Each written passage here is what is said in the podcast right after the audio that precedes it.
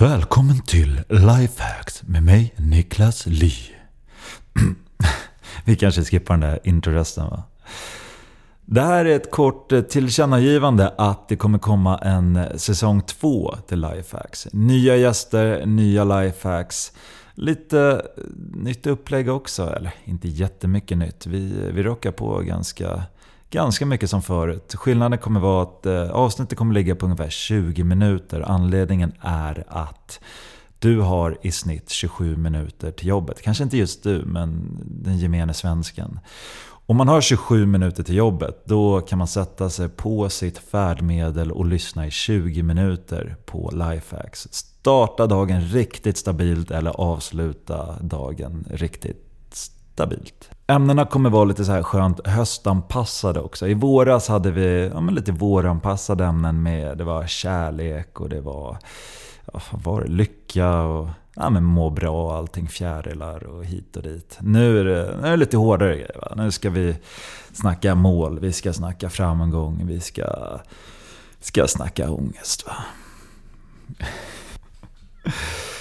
Vi ska ta och byta dag också. Jag vet, vi har ju kört onsdagar innan och jag känner bara så här, ah, onsdagar känns inget bra. Det är liksom mitt i veckan. Man är redan liksom uppe i all skit och man har inte tid att liksom öppna sitt sinne och ta in någonting nytt. Man försöker bara liksom få luft. Så att jag känner så här, tisdag. Där. Tisdag, det, det är en bra dag. Det är en riktig lifehack-dag. Lifehack Tuesday. Wow. Okej, okay, vi kör tisdagar. Datumstart då för säsong två. Det blir den 22 oktober, en tisdag, har vi kommit fram till. Nu är det så här att jag behöver lite hjälp med gäster till säsong två. Eller jag skulle behöva lite förslag. Du har ju säkert massor av eh, personer som du tycker är eh, underbara, inspirerande och som du ändå redan vet ganska mycket om deras bakgrund, uppväxt, vad de har gjort, hur de har kommit dit och så här. Men det är inte det vi vill åt. Vi vill åt själva lifehacksen. Så vi vill åt dina inspirerande förebilder, men vi vill åt deras rena och raka tips. Hur gör jag för att få komma från A till B?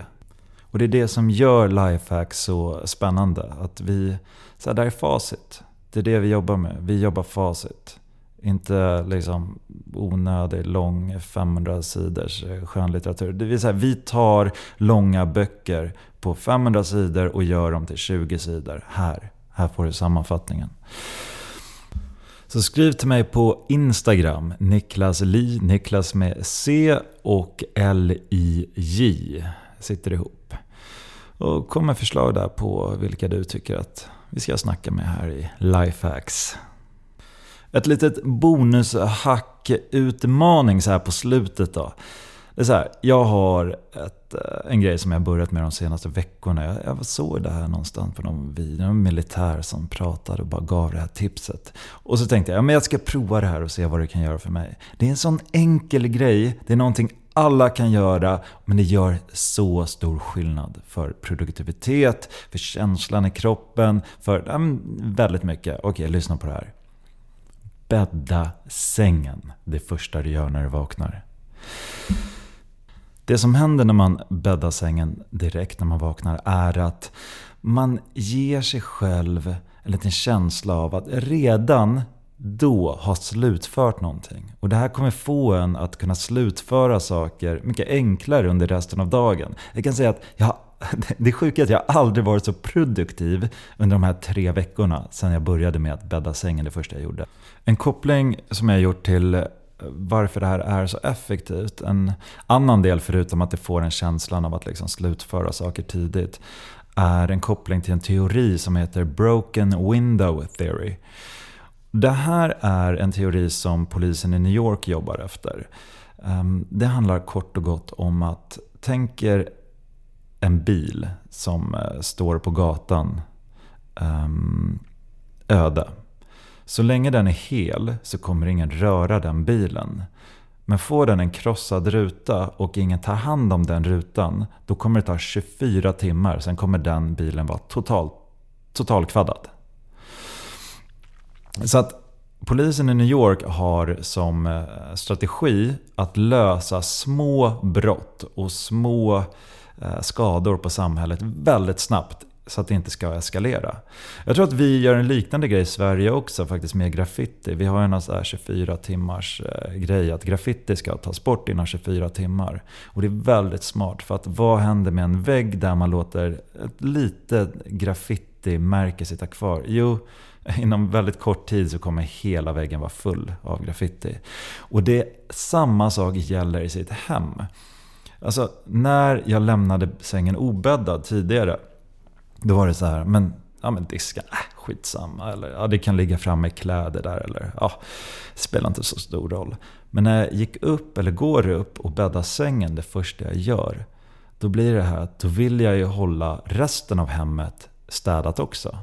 Så jag har inte haft någon disk i diskon heller sen jag började bädda sängen. Jag har inte haft några kläder liggandes framme på soffan eller golvet heller sen jag började bädda sängen.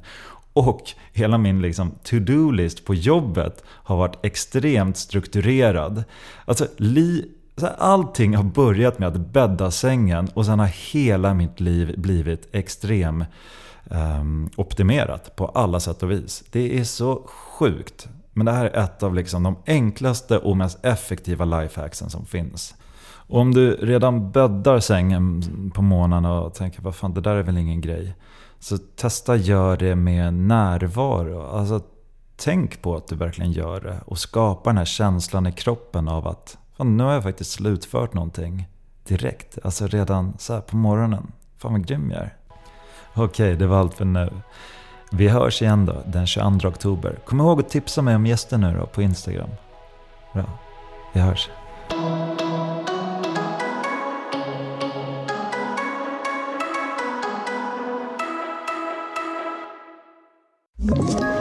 Ett poddtips från Podplay.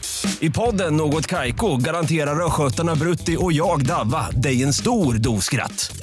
Där följer jag pladask för köttätandet igen. Man är lite som en jävla vampyr. Man har fått lite blodsmak och då måste man ha mer. Udda spaningar, fängslande anekdoter och en och annan arg rant. Jag måste ha mitt kaffe på morgonen för annars är jag ingen trevlig människa. Då är du ingen trevlig människa, punkt. Något Kaiko, hör du på Podplay. Därför är gardinerna.